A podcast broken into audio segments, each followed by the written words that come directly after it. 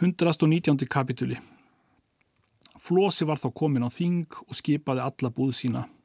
Runolfur skipaði dalverja búð en mörður rángaenga búð.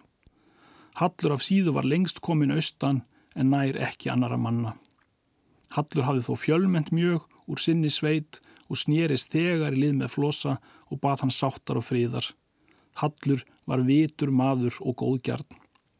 Flosi svaraði vel og tók af öllu lítið. Hallur spurði hverjir honum hefði liðsinni heitið, Flósi nefndi til, Mörðu Valgarsson og hvaðst hafa beði dóttur hans til handa starkaði frænda sínum. Hallur hvað góðan kosti í konunni en segir allt ílt við mörða eiga og myndu það reyna áður þessu þingja lokið. Síðan hættu þeir talinu. Það var einhver dag þegar njál og áskrimur töluðu lengi hljótt. Þá spratt áskrimur upp og mælti til njálssona. Ganga munum við er að leita oss vina að við verðum eigi bortnir ofurliði því að þetta mál mun með kappi sótt verða. Áskrimur gekk það út og næstonum Helgin Jálsson en þá Kári Sölmundarsson, þá Grímun Jálsson, þá Skarpiðin, þá Þórhallur Áskrimsson, þá Þorgrimur hinn Mikli, þá Þorlefur Krákur. Þeir gengu til búðar gissurar hvita og gengu inn í búðina. Gissur stóð upp í mótið þeim og bað þá sitja og drekka. Áskrimur segir Egi er þannig viðvaksið og skal þetta ekki á mutur mæla. Herrar liðveislu skal ég þar von eiga er þú ert frændi. Gissur svarar Það myndi Jórun, sýstir mín, ætla að ég myndi eigi undan skerast að veita þér skal og svo vera nú og oftar að eitt skal yfir okkur báða ganga. Áskrimur þakkað honum og gekk í braud síðan. Þá spurði skarpiðin. Hvert skal nú ganga? Áskrimur svarar. Til búðar ölvisinga. Síðan ganga þeir þangað. Áskrimur spurði hvort skafti Þórótsson var í búð. Honum var sagt að hann var þar. Gengur þá inn í búðina. Skafti sat á pallinum og fagnaði áskrimi. Hann tók því vel. Skafti bauðunum að sitja hjá sér Áskrimur hvaðst skamma dvöl eiga mundu, en þó er við þig erindið. Láttu heyra það, segir Skafti. Ég vil byggja þig liðsinnis, segir Áskrimur, að þú veitir mér lið og máu mínum. Hitt hafði ég ætlað, segir Skafti, að ekki skildi koma vandraða íður í hýbili mín. Áskrimur svarar, Íll er slíkt mælt að verða þá sísta gagni er mest líkur við. Hver er sá maður, segir Skafti, er fjórir menn ganga fyrri, mikill maður og fölleitur og ógjafusamlegur, harlegur og trötslegur. Hann svarar, skarpjöðin heiti ég og hefur þú séð mig jafnan á þingi en vera mun ég því vitrar en þú að ég þarf eigi að spyrja þig hvað þú heitir. Þú heitir Skafti Þórótsson en fyrr kallaðu þig Burstakoll þá er þú hafi drepið kétil úr eldu gerður þú þér þá koll og barst tjöru í höfuð þér, síðan keiftir þú að þrælum að rista upp í arðarmenn og skreiðst þú þar undir um nóttina. Síðan fórst þú til Þórós Loftssonar á eirum og tókan við þér og barði út í mjölsekkjum sínum. Eftir það gengu þér áskrimur út. Skarpiðin mælti. Hvert skulum við nú fara? Til búðar snorra goða, segir áskrimur. Síðan gengu þeir til búðar snorra goða. Þar var einn maður úti fyrir búðardyrum, áskrimur spurði hvort Snorri væri í búð. Hann sagði að hann var þar. Áskrimur gekk inn í búðina og þeir allir. Snorri sat á palli. Áskrimur gekk fyrir hann og kvattan vel, Snorri tók honum blíðlega og bað hann sítja. Áskrimur hveðst þar myndu eiga skamma dvöl, en þó er við þig erindið. Snorri bað hann segja það. Áskrimur mælti, ég vildi að þú færir til dóma með mér og veitti mér lið því að þú ert vitur og framkvæmda maður mikill. Þúnt ganga oss nú málaferlin, segir Snorri, og draga sig margir mjög fram í mótos og eru við því trauðir að taka vandraði manna í aðra fjórðunga. Vorkun er það, segir Áskrimur, því að þú átt oss ekki varlaunað. Veit ég að þú ert góður drengur, segir Snorri, og vilji því heita þér að ég skal eigi veri í mótið þér og eigi veita lið ofinum þínum. Áskrimur þakkað honum. Snorri mælti. Hver er sá maður er fjórir ganga fyrri, föleitur og skarpleitur og glottir við tönn og hefur öksi reytum öksl.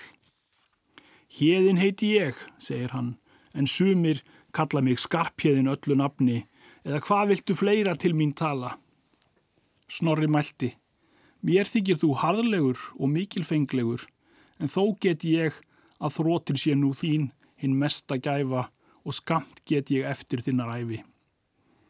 Vel er það, segir skarpiðin, því að þá skuld eiga allir að gjalda, en þó er þér meiri nöðsin að hefna föðurins en spá mér slíkar spár. Margir hafa það mælt áður, segir Snorri, og mun ég ekki við slíku reyðast. Eftir það gengu þeir út og fengu þar enga liðveslu. Þaðan fóru þeir til búðar skakferðinga. Þá búð átti hafur hinn auki. Hann var són Þorkels, Eiríkssonar, úr Góðdölum, Geirmundarssonar, Hróaldssonar, Eiríkssonar örðigskeggja er feldi grjótgarð í Sóknardal í Nóriði. Móðir Hafurs hétt Þórun og var dóttir Áspjarnar Myrkárskalla Rossbjarnarssonar. Þeir áskrimur gengun í búðina. Hafur satt í miðri búðinni og talaði við mann. Áskrimur gekkað honum og hilsað honum. Hann tók honum vel og bauð honum að sitja. Áskrimur mælti, hins vildi ég byggja þig að þú veittir mér lið og máu mínum. Hafur svarar skjótt og hvaðist ekki myndu takundir þeirra vandraði. En þó vil ég spyrja Hver sá er hinn fölleiti, er fjórir menn ganga fyrri og er svo yllilegur sem gengin sé út úr sjávarhömrum. Skarpjæðin mælti, hyrð þú ekki það, mjölki þinn og mun ég þóra þar fram að ganga er þú situr fyrir og mundi ég all óhrættur þótt slíkir sveinar væri á götu fyrir mér. Er þér á skildara að sækja svanlögu sýstir þína er eitís jártsaksa og þau stæðja kollur tóku úr hýpílum þínum. Áskrimur mælti, göngum út, ekkir hér vonlið veistlu. Síðan genguðu til möðruverlingabúðar og spurðu hvort Guðmundur hinn ríki væri í búð, en þeim var sagt að hann var þar. Áskrimur gekk inn í búðina, hásæti var í miðri búðinni og satar Guðmundur í. Áskrimur gekk fyrir hann og kvattan. Guðmundur tók honum vel og bauðunum að sitja. Áskrimur mælti, Egi vil ég sitja, en byggja vil ég því liðsinnis að þú ert kapsamur og mikill höfðingi. Guðmundur mælti. Ekki skal ég í mótið þér vera, en ef mér sínist að veita þér lið, þá munum við vel meg að tala um það síðar. Og tók á öllu vel. Áskrimur þakkað honum orðsín, Guðmundur mælti. Maður er sá einni liðinu er ég hefi hort á um hríð og líst mér ólíkur flestu mönnum þeim er ég hefi séð. Hver er sá, segir áskrimur. Fjórir menn ganga fyrir en hann, segir Guðmundur. Jarpur á háralitt og föllitaður, mikill vöxtum og erdlegur og svo skjótlegur til karlmennsku að heldur vildi ég hans fylgi hafa en tíu annara og er þó maðurinn ógjafusamlegur. Skarpiðin mælti. Veit ég að þú þykist til mín mæla og er eigi einn veg farið ógæfi okkari. Ég hefi ámæli að víi höskulds kvítaneskoða sem vorkun er, en þeir gerðu ílmælum þig, Þorkjell Hákur og Þórir Helgason og hefur þú að því ámæli. Gengu þeir það út. Þá mælti skarpiðin. Hver skulum við nú ganga? Til jósfetningabúðar, segir áskrimur. Þá búð hafi tjaldað Þorkjell Hákur. Hann var svon Þorgir skoða Tjörfasonar, Þorkelssonar Langs en móðir Þorgirs var Þórun Þorstinsdóttir Sigmundarssonar Gnúpabarðarssonar. Móðir Þorkels Háks hétt Guðriður, hún var dóttir Þorkelsins svarta úr Hleirargarði, Þórissonar Snepils, Ketilssonar Brimils, Örnólfssonar Björnólfssonar, Grímssonar Lóðinkynna, Ketilssonar Hængs, Hallbjarnarssonar Háltrölds. Þorkell Hákur hafði farið utan og framið sig í öðrum löndum. Hann hafði drepið spellvirkja austur á Jamtaskógi, Síðan fór hann austur í Svíþjóð og fór til lags með sörkvi karli og herjuðu þaðan í austurveg.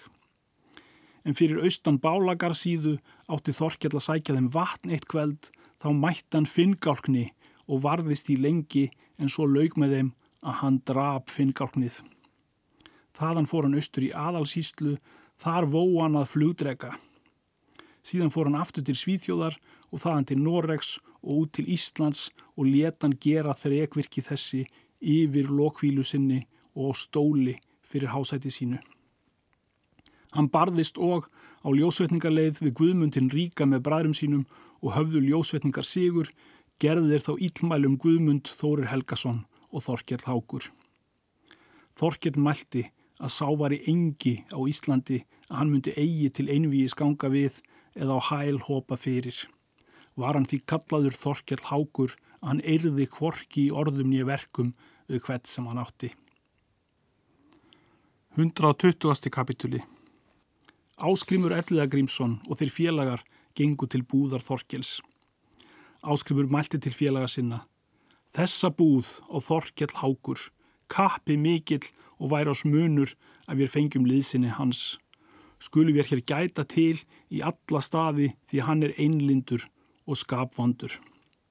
Vil ég nú byggja þig skarpiðin og þú látir ekki til þín taka um talvort. Skarpiðin glotti við og var svo búinn að hann var í bláum kirtli og í blárendum brókum og uppháa svarta skúa. Hann hafði silfurbelti um sig og öksi þá í hendi er hann hafði drepið þráinn með og kallaði rimmugíi og törgubuklara og silki hlaðum höfuð og greitt hárið aftur um eirun.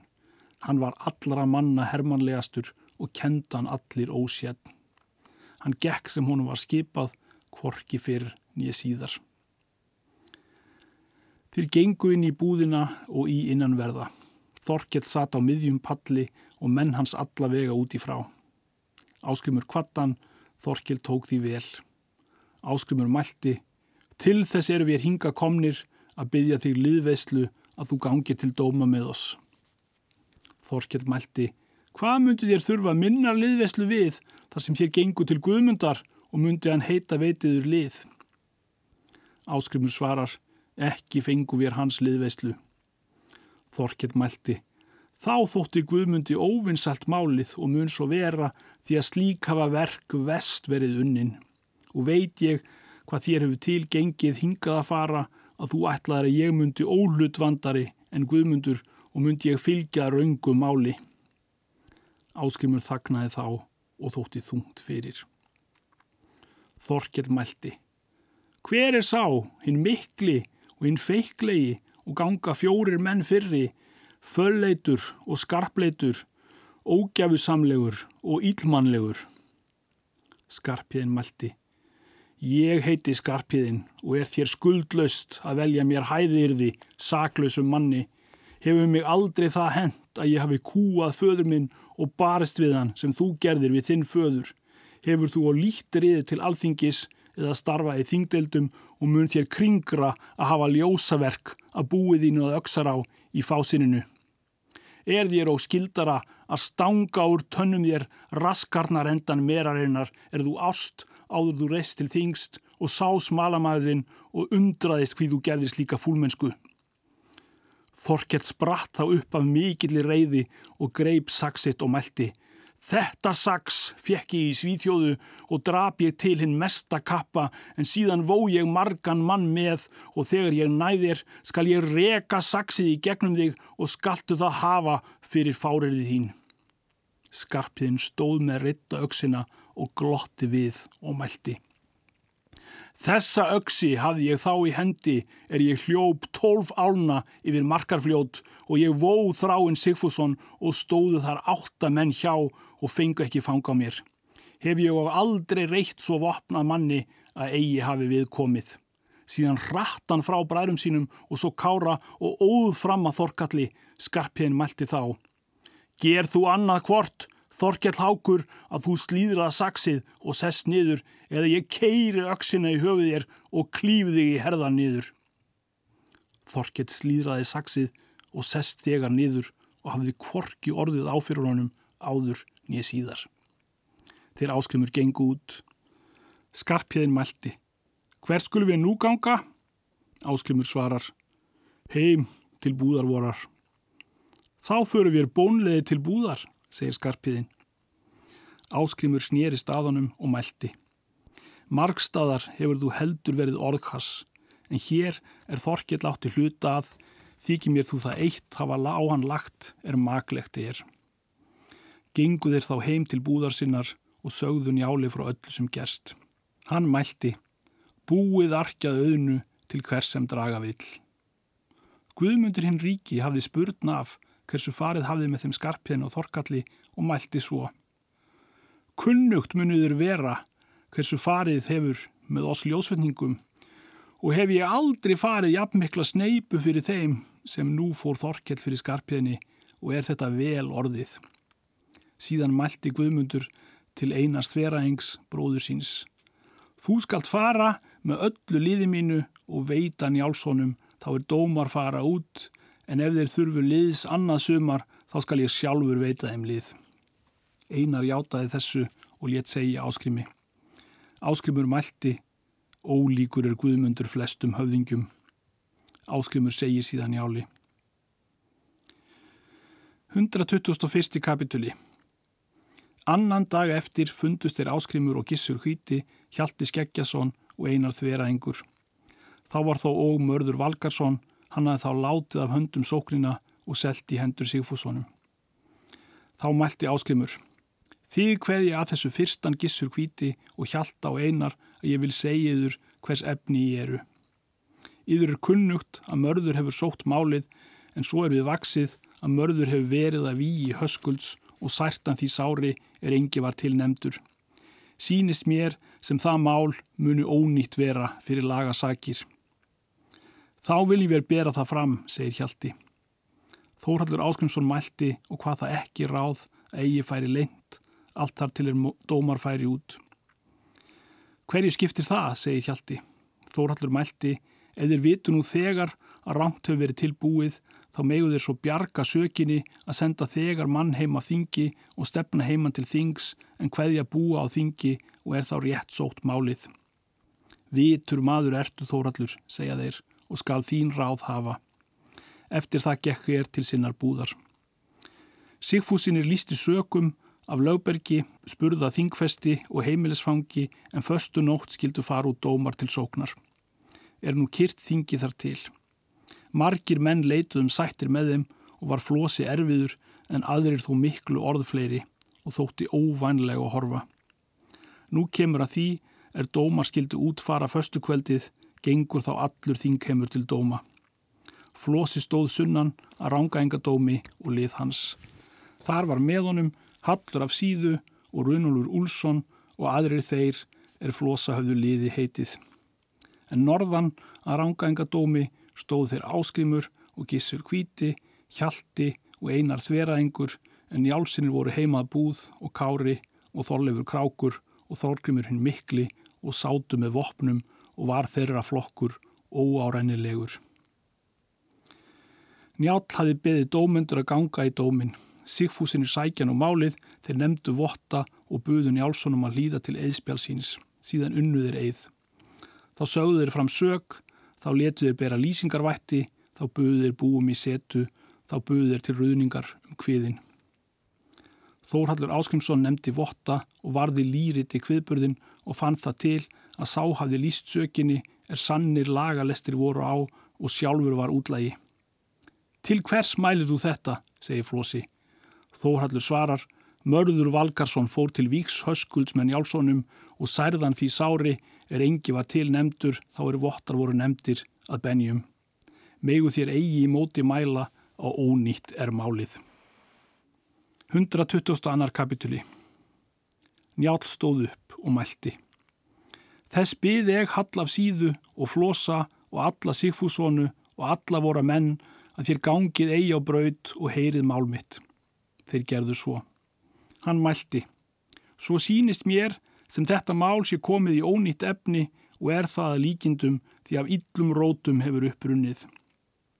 Ég vil yfir kunnugt gera að ég unni meira höskuldi en sónu mínum og er ég spurði að hann var veginn þótti mér slögt þið sætasta ljós augna minna og heldur vildi ég misthafa allra svona minna og lifði hann. Nú byð ég þess hallaf síðu og runul úr dal, gissur kvíta og einar þveraeng og hafur hins baka að ég nái að sættast á víið fyrir hönd svona minna og vil ég að gerum þeir er bestiru tilfallnir. Þeir gissur og einar og hafur töluðu langt erindi sitt sinni hverðera og báðu flosa sættast og héttunum sinni vinátt á móti. Flosi svarað þó öllu vel og hétt þó eigi. Hallur af síðum mælti til flosa. Viltu nú efna orðin og veita mér bæn mína er þú hjest mér þá er ég kom utan þorgrimi digur ketil sinni frændaðinum er hann hafi vegið halla hinn rauða. Flosi mælti. Veita vil ég þér máur því að þú munt þess eins byggja að mín sæmt sé þá meir en áður. Hallur mælti. Þá vil ég að þú sætti skjótt og látir góða menn gera um og kaup þér svo vináttu hinn að bestu manna. Flósi mælti. Það vil ég yfir kunnugt gera, að ég vil gera fyrir orð Halls, máksmíns og annara hinn að bestu manna að hér geru um sex menn af horra hendi löglega til nefndir. Þykir mér njálf maglegur að ég unnu honum þessa. Njálf þakkaði um öllum og aðrir þeirri hjá voru og segja Flósa velfara. Flósi mælti. Nú mun ég nefna mína gerðarmenn, nefni ég fyrstan Hall og össur frá Breiðá Surt Áspjarnason úr Kirkjubæ, Móðól Ketilsson, hann bjóð þá í ásum, Hafur og Runul úr Dal og mun einmælt að þessir sé best til fallnir af öllum mínum önnum. Bað hann nú njál nefna sína gerðarmenn. Njál stóð upp og mælti. Til þessa nefni ég fyrstan Áskrim Ellegrímsson og Hjalta Skeggjason, Gissur Hvíta og Einar Þveraeng, Snorra Goða, Guðmundin Ríka. Síðan tókust þeir í hendur Njáll og Flósi og Sigfúsinir og handsalaði Njáll fyrir alla sónu sína og kára og skildi þessir tólmenn dæma og mátti svo aðkveða að allur þing heimur er í þessu fegin. Voru þá sendir menn eftir snorra og guðmundi því að þeir voru í búðum sínum. Var þá mælt að dómundur skildu siti eftir í lögréttu en allir aðrir ganga í braud.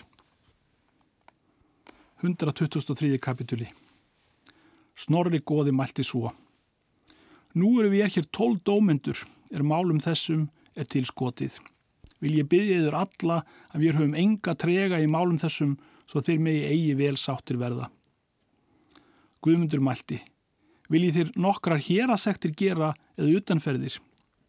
Engar, segir Snorri, því að það hefur oft illa ennst og hafa menn fyrir það drefnir verið og orðið ósáttir. En gera vil ég fésegt svo mikla að engi maður hafi dýrir verið á landinu en höskuldur. Hans orð mæltust vel fyrir. Síðan töluðir um og urðu eigi á sáttir hver fyrst skildi upp hveða, hversu mikil fésækt vera skildi og kom svo að þeir hlutuðu og hlaut Snorri upp að hveða. Snorri mælti. Ekki mun ég lengur yfir þessu sitja, mun ég nú segja hvað mín ákvaði eru að ég vil láta höskuld bæta þrennu manngjöldum en það eru 600 silfurs. Skulu þér nú aðgera ef yður þykir of mikið eða of lítið. Þeir svöruðu að þeir vildu hverja að gera. Það skal lóf fylgja, sagði hann, að hér skal allt fjöð uppgjaldast á þinginu. Þá mælti gissur. Þetta þykir mér varla vera mega því þeir munu lítin eitt hlut hafa að gjalda fyrir sig. Guðmundur mælti. Ég veit hvað Snorri vil. Hann vill að við gefum til allir gerðarmenn slíkt sem voru drengskapur til og munu þar margir eftir gera. Hallur af síðu þakkaðanum og hvaðs gjarna vilja tilgefa sem sá er mest gæfi játuð því þá allir gerðarmenn. Eftir það genguður í braud og riðuð það með sér að Hallur skildu segja upp gerðina að lögbergi. Eftir það var ringt og gengu allir menn til lögbergs. Hallur stóð upp og mælti. Mál þessi er við höfum gert um, höfum við orðið á sáttir og gerðum 600 silfurs. Skulum við gjalda upp helmingin gerðarmenn og skal hér allt goldið á þinginu. Er það bænastadur minn til allrar alþýðu að nokkur hlut gefi til fyrir Guðsakir. En allir svöruðu vel. Nemndi Hallur þá vottaði gerðinni að engi skildi hann að rjúfa meiga. Njál þakkaði þeim gerðina. Skarpiðin stóð hjá og þagði og glotti við. Gengum en þá frá lögbergi og til búða sinna. Gerðarmenn báru saman í búanda kirkjugarði fyrir það sem þeir höfðu heiti til að leggja. Sýnin Njáls seldu fram fyrir það er þeir höfðu og svo kári og var það hundra silfurs. Njál tók þá fyrir það er hann hafði og var það annað hundra silfurs. Síðan var borið saman fyrir þetta allt í lögréttu og gáðum enn þá svo mikið til að engan penning skorti á. Njál tók silkislæður og bóta og lagði á ofan á rúuna. Síðan mælti Hallur að Njál skildi ganga eftir sónum sínum en ég mun ganga eftir flosa og veitu nú hvorir öðrum tryggðir. Njál gekk þá heim til búðar og mælti til svona sinna. Nú er máli voru komið í gott efni Vér eru menn sáttir og fjö allt komið í eitt stað, skul nú hvorir tvekkju ganga til og veitaður um grið og tryggðir. Vili nú byggjeður að þér spillið í engu um. Skarpiðinn straukum ennið og glotti í móti. Ganga þér þá allir til lögréttu. Hallur gekk til móts við flosa á mælti.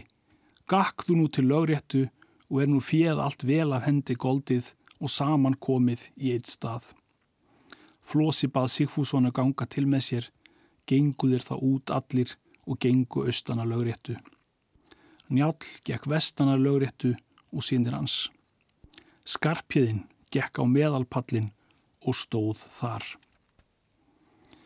Flósi gekk í lögréttu að higgjað fjernu og mælti. Þetta fjö er mikið og gott og vel af höndum greitt sem vonir að.